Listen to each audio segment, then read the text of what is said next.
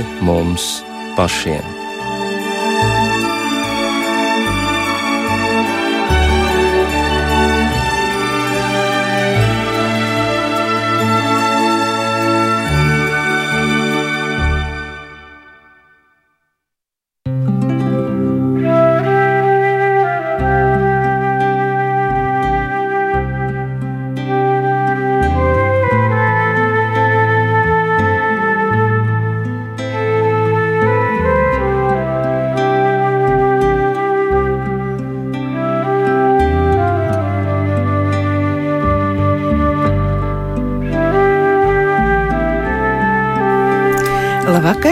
Skan raidījums pāri mums pašiem. Studijā Rīta Bružēvica un par raidījumu skanējumu rūpējas Rita Karnača.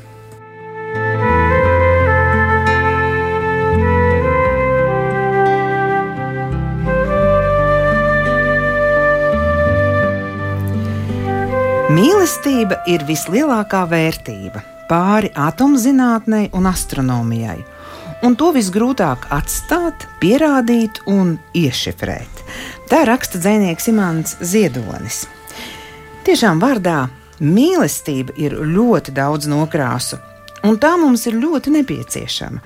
Tā mēs esam radīti, ka vēlamies mīlestību gan saņemt, gan arī kādu mīlēt. Kas ir mīlestība?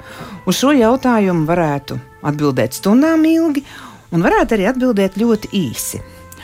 Un tādu īsu formulējumu ir atradis kardināls Stefans Višinskis un viņš ir sacījis tā: Cilvēki saka, laiks ir nauda, bet es jums saku, laiks ir mīlestība, un mīlestība ir laime.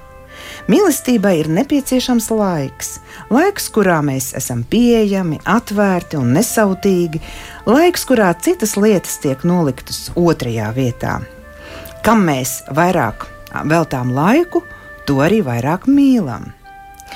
Šajā raidījumā mums atvēlētajā laikā runāsim par to, kas ir mīlestības saturā. Mēs eh, bieži dzirdam baznīcā no kanceles pamācību, ka ir jāmīl, un labi, ka mums to atgādina. Bet kā to darīt? Kāds ir tiešām mīlestības saturs un no kādas saknes tā rodas? Meklēsim atbildes kopā ar raidījumu viesiem. Uz sarunu es esmu aicinājusi Latvijas Kristīgās akadēmijas rektoru profesoru Skaidrīti Gūtmani. Labvakar! Un priesteri Salaspils un Baldonas katoļu draugu prāvestu Ilmāru Tolsto. Labvakar!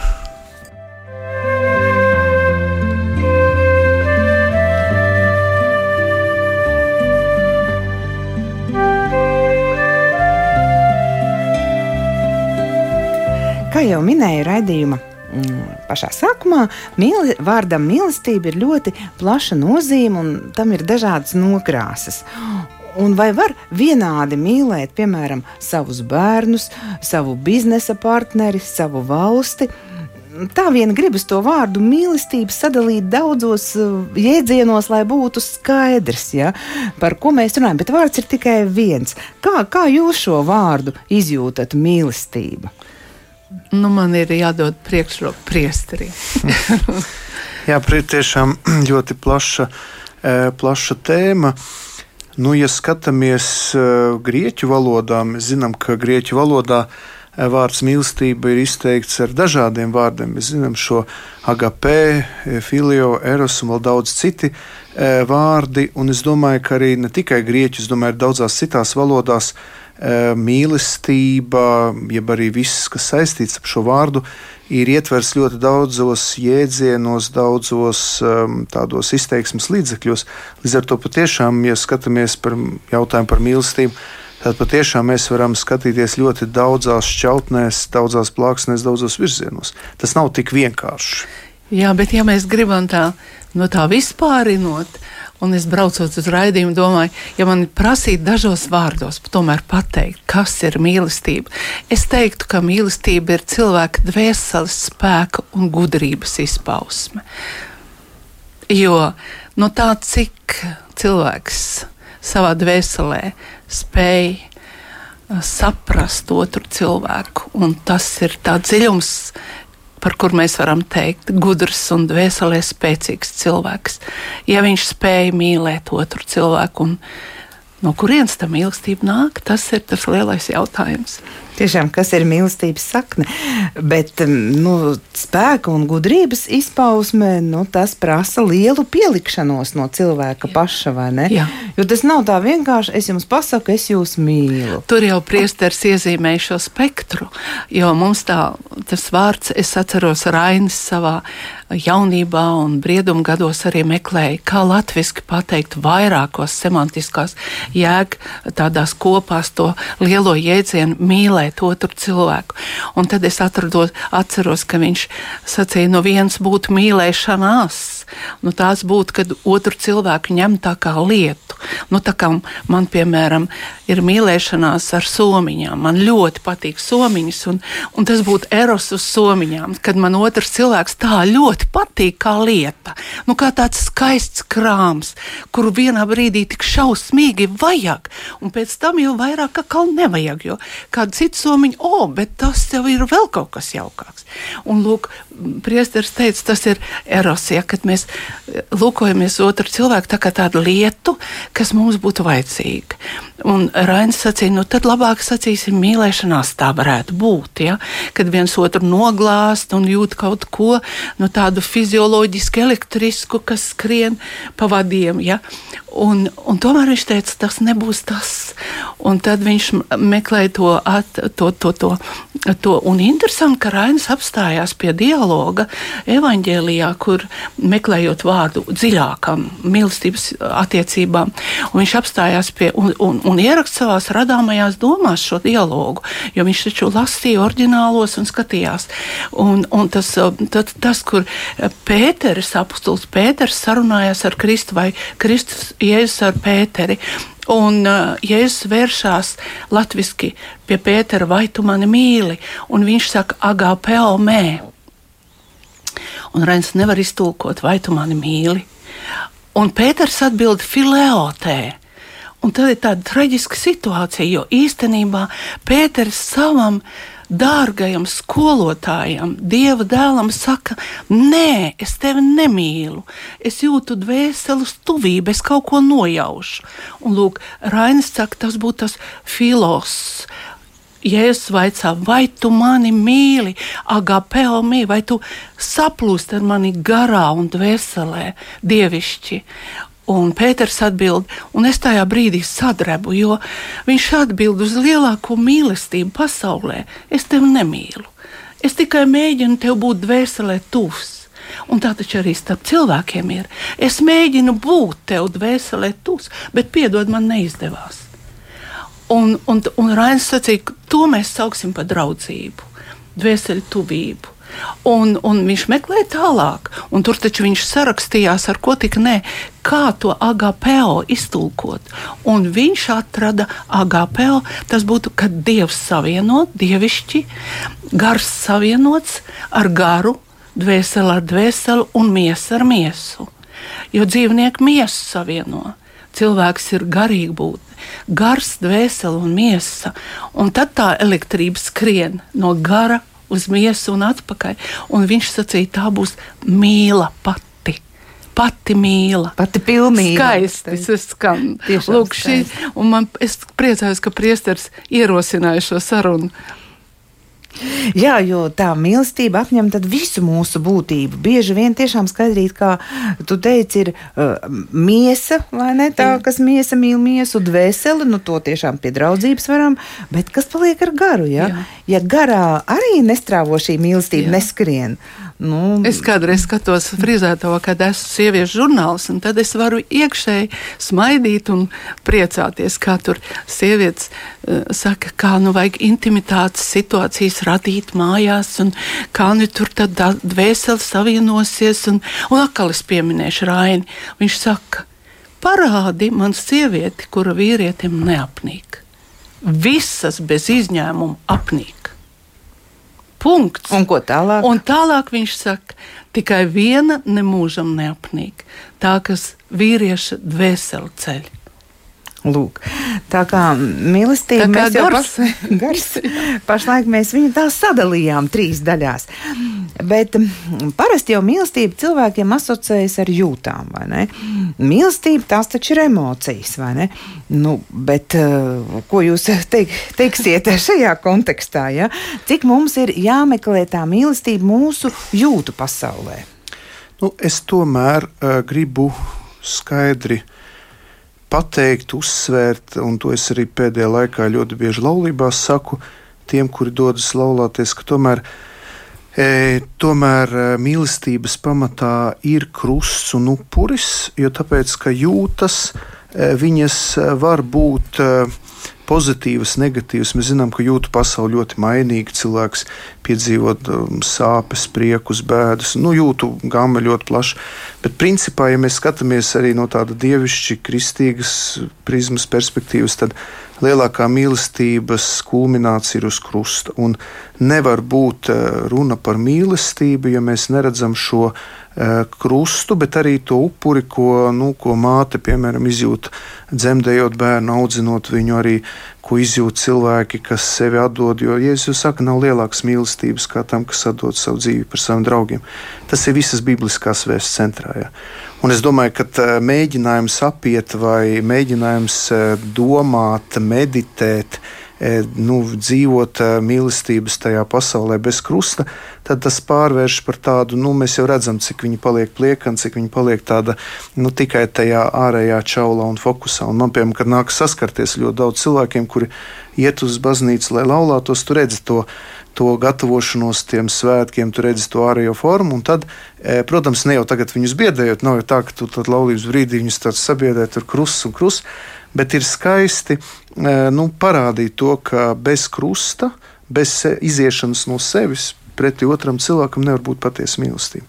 Un to mēs redzam, ka tādu ceļu kā gāja Jēzus, tāds ceļš ir sastopams arī dabā, jo mēs redzam, ka visa daba, visa radība, viss, ko Dievs ir radījis, viņi izriet no tā, ka kāds atdod sevi priekš cita. Nu, kaut vai skaistā līdzība par kviešu graudu. Ja kviešu grauds iekrīt zemē un nomirst, viņš nepaliek viens. Ja aiz viņa paliek šī vārpa un grauda, tad es atdodu sevi.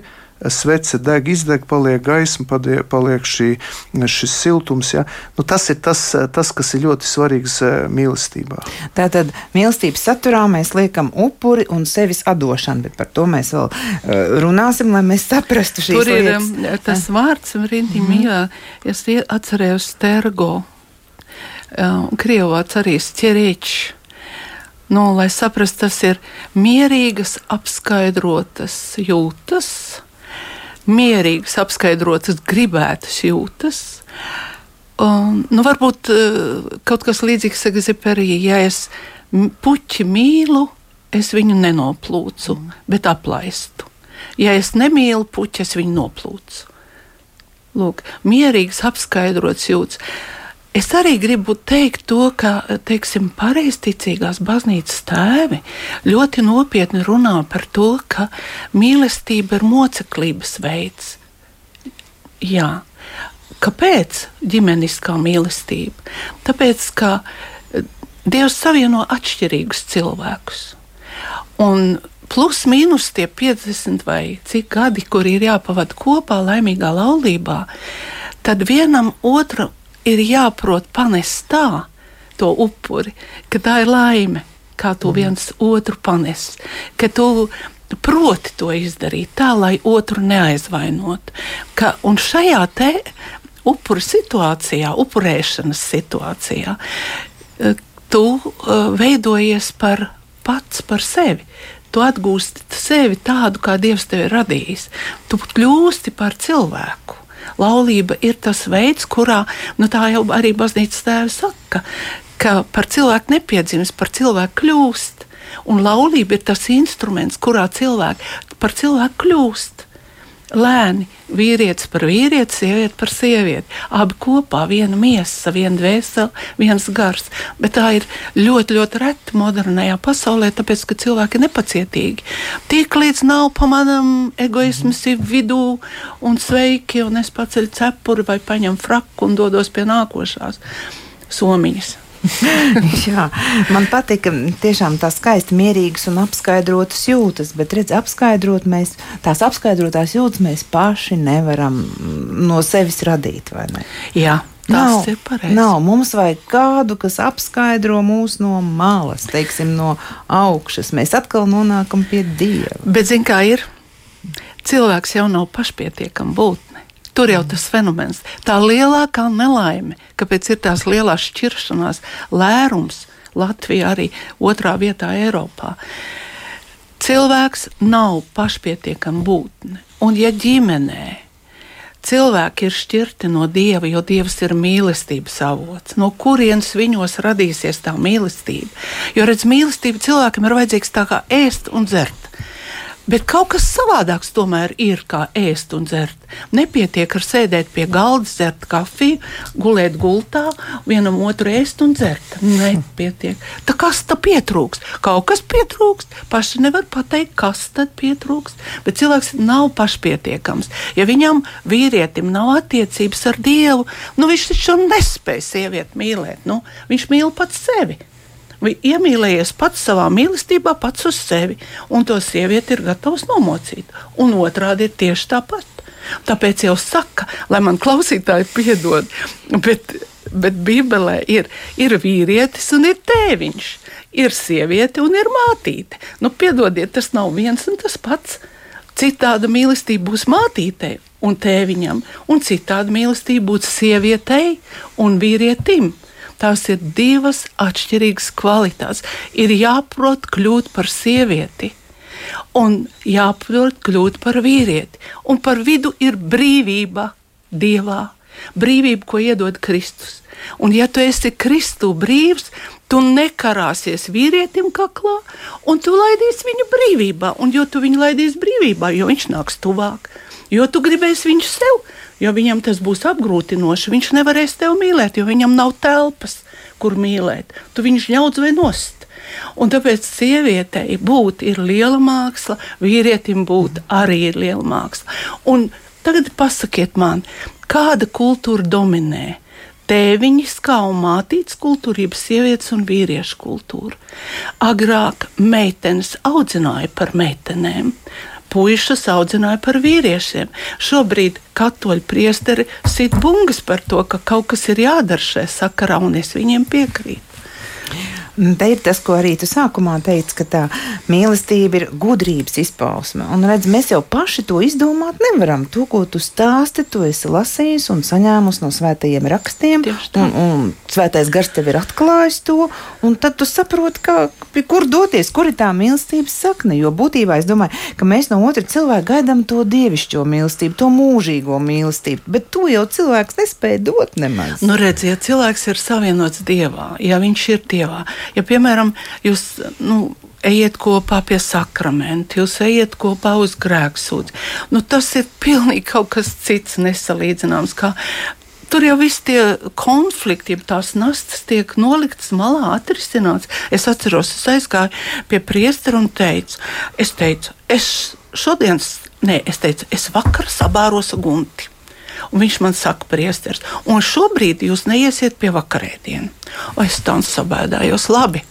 Noeju malā, stāvu un skatos. Ienāk baznīcā Guntis un saka, piedod man. Un mēs abi aizgājām pie priestera un mēs teicām, mēs jau esam izlīguši. Abi gājām pie sakramenta. Tas ir savādāk, vai kopā ar Dievu iet to ceļu.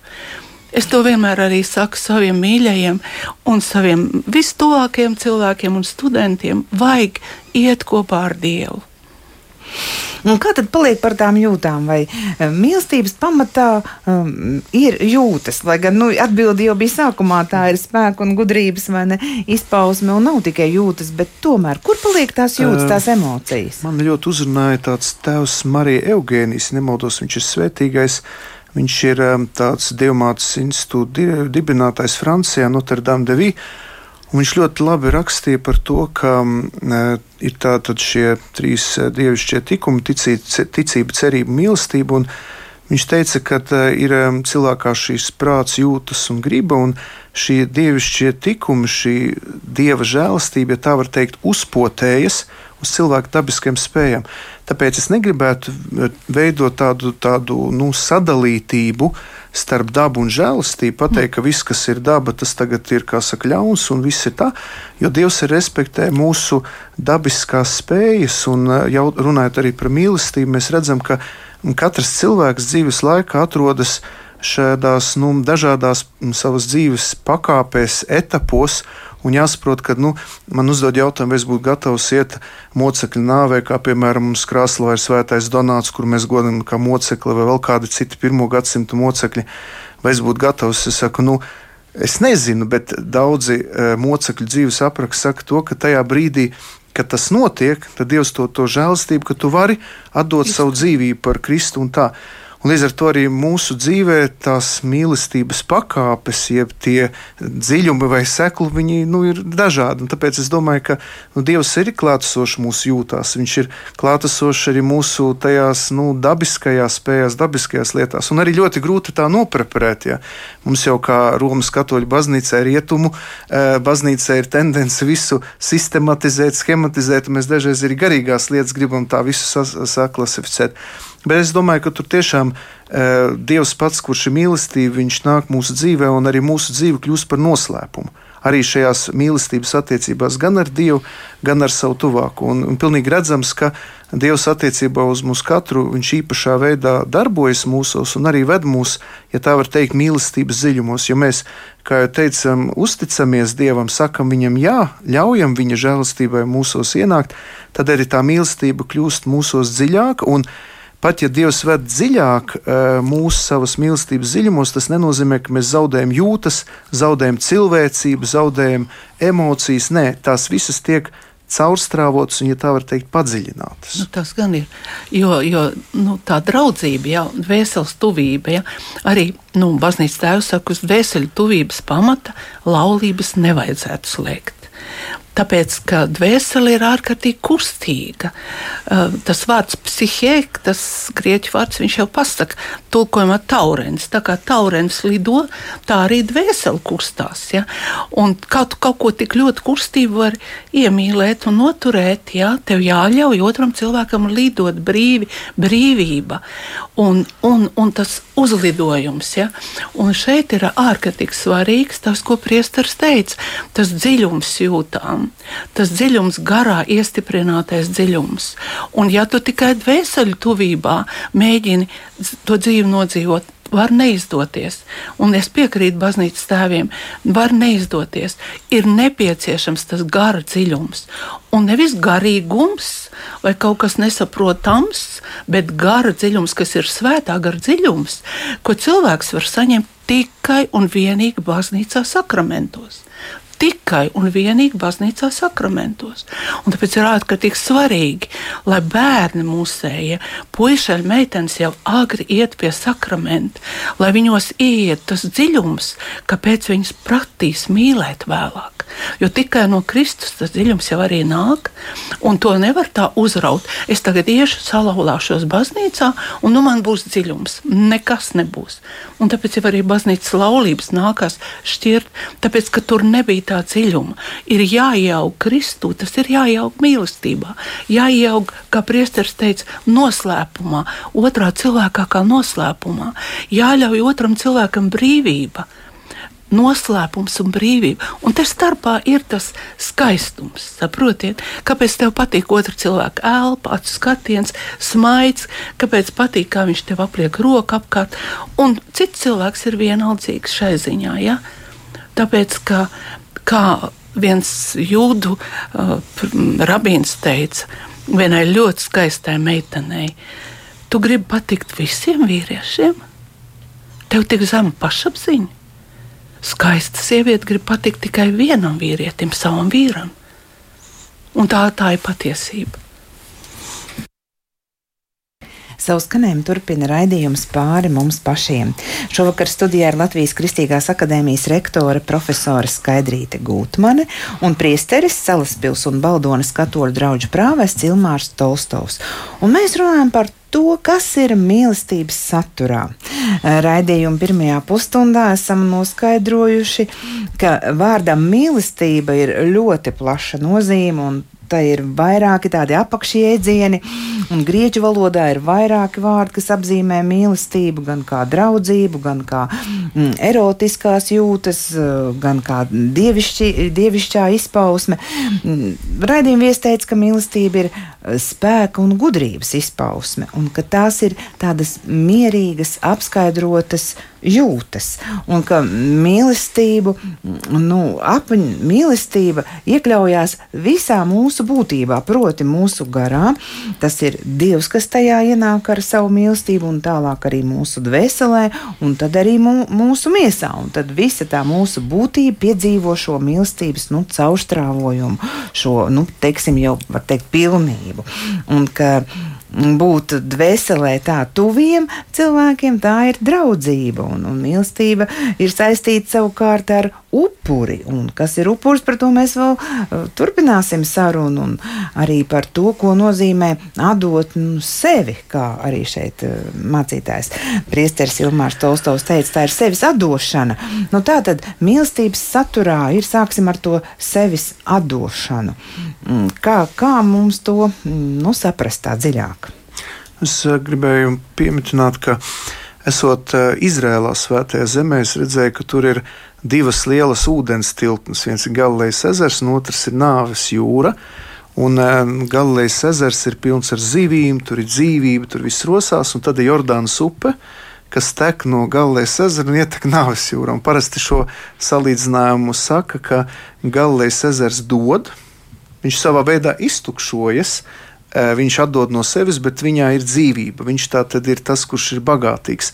Un nāves jūra, kurai ņem tikai, viņa neko nedod, viņai nekas neizplūst, viņa atkal kļūst ar vien mazāk un viņa izmirst, iznīkst. Un tas arī parāda to, ka um, mīlestības pamatā ir sevis došana, jo jā, tas jau ir ierakstīts dabā. Mēs redzam, ka visa dieva radība ir būvēta tā, ka viņa sevi ir spiesta pat atdot. Ja? Nu, kaut kas izaug, pēc tam nomirst, nokalst, ja? tad visi šie procesi.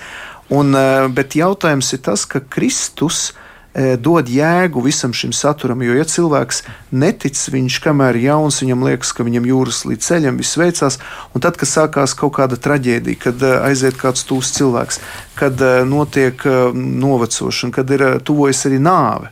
Kas, no, kura mēs, no kuras mēs neviens nevaram izbeigt, cilvēks jautā, kāda tad tam ir jēga? Un man cilvēki saka, nu, ja Dievs ir mīlestība, ja Dievs ir labs, kāpēc ir ciešanas, kāpēc ir ļaunums, kāpēc ir tas, kāpēc tas? Jā.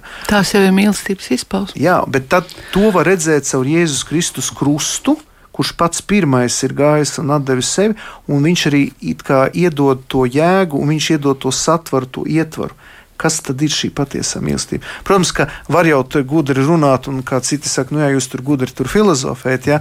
bet es domāju, ka tas, kas ir pats izgājis cauri kaut kādiem procesiem saistībā ar šīm lietām un mēģinājis saskatīt Kristus krustu tur un arī lūdzis, lai krustā iztais pestītājs būtu klātesošs šajos notikumos, tad tur arī atklājās šīs dziļās mīlestības noslēpums. Tā kā es domāju, šī sevis atdošana par citu, par otru, ir tā augstākā mīlestības izpausme, kas var būt šeit pasaulē. Man ļoti patīk, ka jūs sacījāt par Izraēlu, ka, ka Jardāns upe pietek nāves jūrā. Un, un, uh, es daudzas reizes esmu bijis šajā burvīgajā zemē, un arī tajā vietā, kur Kristus uh, iet kristīties. Un tas ir tieši tur, kur Jādāns upe tālāk ietek nāves jūrā, un pirms ietekmēšanas nāves jūrā, tajā vietā notiek tās kristības. Tā nu nav tā vieta, kur parasti turistiem rāda, mm -hmm. bet tā ir tā autentiskā vieta. Un es vienmēr esmu domājis par to, ka redziet, Kristus pārcēr cilvēku ceļu uz nāvi. Viņš pārcēr. Un viņa kristība notiek tieši tajā vietā, lai mums visiem atgādinātu, ka caur Kristu nāves nav. Un viņš to upuri nes, lai mēs varētu uzlidot. Un arī cilvēku starpā tā mīlestība ir tāda, ja tu ļauj otram cilvēkam uzlidot, brīvākam, skaistākam kļūt, varošākam, visādi tādam, kā viņš bez tevis nebūtu varējis būt. Un tad Kristus to nodrošina, to uzlidojumu. Un cilvēki jūtas laimīgi. Gan tas, kas ļauj uzlidot, jo viņš caur to paliek bagātāks, kā jūs salīdzinājumā Galilejas jūras sacījāt. Un vēl es pa upuri domāju tā, ka mācas mīlestība. Tagad, kad mums ir visas šīs brīvās mīlestības un vis visādas formas, es viņas likšu pēdiņās to, tomēr, jo mācas mīlestība, kurā kurus klēpī rosās bērniņš, un pēc tam arī uh, ģimenē māte neviens nevar aizstāt. Nevar vīrietis aizstāt māti, tāpēc ka māte ir spējīga uz upuri. Vīrietim nav tāda spēka. Sieviete ir spējīga uz upuri bērnu dēļ. Es pazinu es esmu pazīstis vairākas tādas mācības. Ja? Bērni ir aizņemti, bērni un mazbērni ir aizņemti. Viņi ir savos darbos.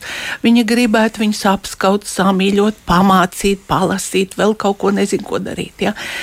Bet tajā vietā viņi lūdz par viņiem Dievu. Nu, teiksim, puikas brauca ar te, teiksim, motociklu vai brauca laivu tur, kur ezeros iekšā. Uztraukums sirdī ļauj viņam esi nomodā, lūkšanā, atdod savu laiku tam dēlam savā gadākā veidā, nevis burkšķi, kāpēc tā un kāpēc šitā un vēl kaut kā nav pamanām. Cilvēkam ir jādod otram cilvēkam brīvība. Es par to nebeigšu runāt. Brīvība, upuris un risks. Šie jēdzieni ir kopā. Jo māte riskē atlaist tam bērnu. Ja? Es, es, es vienkārši aprīnoju savu meitu, kā viņa bērnus atlaiž, uzticēdamās. Es tā nepratu. Drosmīgi, uzticēdamās, un viņa man vienmēr saka, ziniet, es taču, tu taču tici Dievam, ko tu nervozē?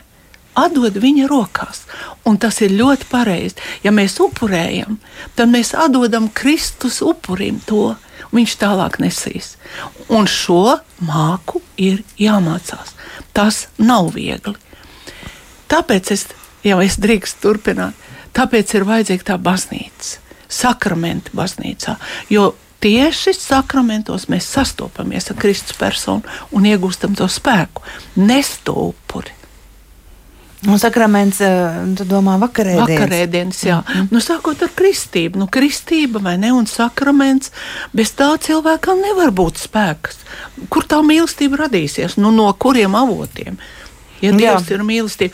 Es atceros, es kādreiz studentiem stāstīju, ir Jūs jau arī noteikti ziniet, ir šis amerikāņu filozofs, ētikas, tagad ļoti populārs, sen jau populārs, Fletčers. Mm. Viņš saka, Dievs ir mīlestība, un visu dariet tikai mīlestībā.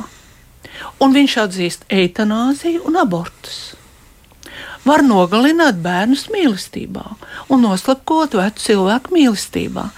Un tāda mīlestība rodas tad, ja cilvēks ir ārpus baznīcas. Viss ir mīlestība, ko es domāju, kas ir labi tā nav Bībeles, tā nav kristīgā, tā nav dievišķā. Tas mīlestība. ir kaut kas postošs, un postoši, manuprāt, mīlestība nevar būt postoša. Nu, kā tad? Jo nogalināt, un tas Jā. ir. Mm, Bet redz, kādam cilvēkam var likties tā, vai tas cilvēks pašais ļoti mocās, viņam labāk iedursim adat, lai viņš aiziet mūžībā, tā teikt, mūsu sūtīts, nevis dievu pieņemts un gribēts un alkt.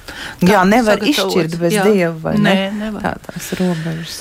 Jā, un gribētu arī papildināt, atcerējos, kad mums arī ir kāds īpašs cilvēks, godināmais biskups Boļislavs Loskāns, un mēs ceram, ka viņu arī pasludinās par svētīgu un svētu, un viņš savā laikā Solovku salās atrodoties nāves kamerā, viņš pie viņa ienāk šis apsargs, un viņš ir jau nu, notiesāts uz nāvi, un, un viņš un biskups Loskāns smaida. Un viņš tas sargs saka, ko tu muļķi smaidi, tu tūlīt ies uz nāvi. Bīskaps saka, es smaidu, tāpēc, ka es esmu brīvs. Tu nesmaidi, tāpēc, ka neesi brīvs. Ja? Paturpinot šo domu par brīvību, ka mīlestība ir svarīga brīvība. Tāpēc arī domāju, kāpēc daudz saka, kāpēc Dievs pieļauj, ka mēs tiekam kārdināti, kāpēc Dievs pieļauj to, ka pasaulē vēl nav, vēl nav iestājusies dievišķa kārtība. Tāpēc, ka Dievs ļoti respektē mūsu brīvību. Ja Viņš mīl, tad viņš respektē brīvību. Un tas dažreiz mani kā priesteri kaitina, jo gribētos, ka Dievs dažās vietās un brīžos piegrieztu vairāk skrūves. Ja gribās, lai viss notiek ātrāk, pareizāk un viss tā. Un manī, man kā garīdzniekam dažreiz tas ir kā mans krusts, mans upuris, kad man ir jāredz, ka mm. Dievs eh, pieļauj šo cilvēku visatļautību un to, ka viņi tiek kārdināti un vesti maldos, jo cil, Dievs atstāja cilvēku brīvu. Viņš to nevēlas, viņam sāp sirds. Nelauž. Viņš arī liek baznīcai sludināt patiesības vēsti un, un norādīt uz patieso mīlestību, patiesām vērtībām. Ja? Bet no otras puses cilvēks ir atstāts brīvs un priekš manis tā ir vislielākā tāda, nu, vislielākais jautājums Dievam, kā viņš uh, spēja, un es arī vēl nezinu visas atbildes uz visiem jautājumiem, kā viņš spēja šo saskaņot, šo milzīgo brīvību, ko viņš ir devis cilvēkiem. Ja? Un otrs puses atkal ilgas, lai cilvēks būtu laimīgs un lai viņš iet šajā viņa mīlestībā. Un tur, protams, ir Kristus krusts, kas ir šis savienotājs caur savu baznīcu. Mm -hmm. Bet es domāju, ka šie visi jautājumi, šie procesi ir milzīgs eh, noslēpums, bet arī milzīga dieva žēlstība viņa klātbūtne. Kā viņš to visu spēja? Tā kā es domāju, jo vairāk mēs būsim dievā, jo vairāk mēs būsim mīlestībā un brīvībā, kādi bija šie mocekļi, kāds bija biskups Loskans un daudz citi, kuri izgāja cauri šīm šausmām, arī Sibīrijai, visām vajāšanām, bet palikdami brīvi. Eh, tomēr eh, arī tēvs Peņķušs, Viktors, Jā, kas mūžīgo mieru, kas bija izgājis daudzas Sibīrijas. Viņš nekad nerunāja par šiem Sibīrijas gadiem ar rūkumu, ar naidu, ar ļaunumu. Viņš teica, tas bija manas rekolekcijas, tie bija mani brīnišķīgākie gadi. Ja? Viņš izgāja un, un varēja spēja arī mīlēt tos, eh, tos, eh, tos cilvēkus. Ja? Tātad viņš, viņam mainījās domāšana, mainījās skatījums. Viņš saredzēja tādīs ciešanās, tādīs grūtībās lielu iespēju, žēlstību, palīd, tas palīdzēja viņam augt. Ja? Mm. Tā kā, ja mēs gribam augt Dievu un tuvākā mīlestībā, tikai šis ceļš ir iespējams. Daudz cilvēku saka, Dievs ir manā sirdī. Un tad es pie sevis domāju, vai tas cilvēks ir pie veselā saprāta. Kā tad Dievs var būt tavā sirdī? Tad jau tu esi pats Dievs. Dievs nevar būt cilvēka sirdī. Dievs nav cilvēka sirdī. Un tā ir viena no lielākajām kļūdām, ka cilvēki tā iedomājas, Dievs ir manā sirdī, es tagad mīlēšu, žņaukšu otru cilvēku nost, un tas būs pilnīgi dievišķi. Otra tāda izplatīta paviršība garīgajā ziņā ir, ka cilvēks saka, Kā es ticu, tā ir mana privātā lieta. Sveiki, es pie sevis domāju. Privātais jautājums ir tava ticība. No tavas ticības ir atkarīga tautas nākotne, tavas ģimenes līdz tūkstošajam augumam svētība. Un tad nu tici jebkam, kas ienāk prātā, un tie ir privāti jautājumi, tie ir valstiski jautājumi. Un paldies Dievam, ka ir baznīca, jo baznīca ir tas spēka resurs, tas avots, ja, kur, ka, nu, protams, tu vari svētdien. Nu, Dievs nesagāzīs daudz stāvu māju, tāpēc ka lielākā daļa no tās iedzīvotājiem uz baznīcu neaizies svētdienā. Viņš tāpat saule spīdēs un lietus līs, un augļi nogatavosies. Bet Dieva sirds ir sarūktināta, ka ne jau viņam ir vajadzīgs tas. Viņš ir sarūktināts, ka tu garantē sev nelaimīgu dzīvi. Un par to dievam sāp sirds. Un tas baznīcas, es pat man kauns teikt, resurs. Tas ir skaistākais, kas pasaulē ir, ka tu vari baznīcā aiziet sastapties ar Kristu sakramentā. Un trešā tāda paviršība, ja es varu pie mikrofona pateikt, ja, ka cilvēki jauc priesteri un mācītāji ar Kristu, ar Dievu. Viņi nespēja atšķirt cilvēku no Dieva. Un saka, ah, tas mācītājs tur brauc ar lepnu mašīnu. Es tur neiešu tajā baznīcā. Tas ir tāpat kā, ja nu, kāds zaglis ir nopircis, nopircis ziepes, es mūžam nemazgāšos. Tāpēc, ka viens tur nopirka tās ziepes. Ja. Dievs ir Dievs, Un šīs cilvēciskās lietas, tās man vispār neskar. Es eju baznīcā pēc mīlestības, pie mīlestības avotiem, pie mīlestības resursiem, un izēju ārā bagātāk kā iegāju.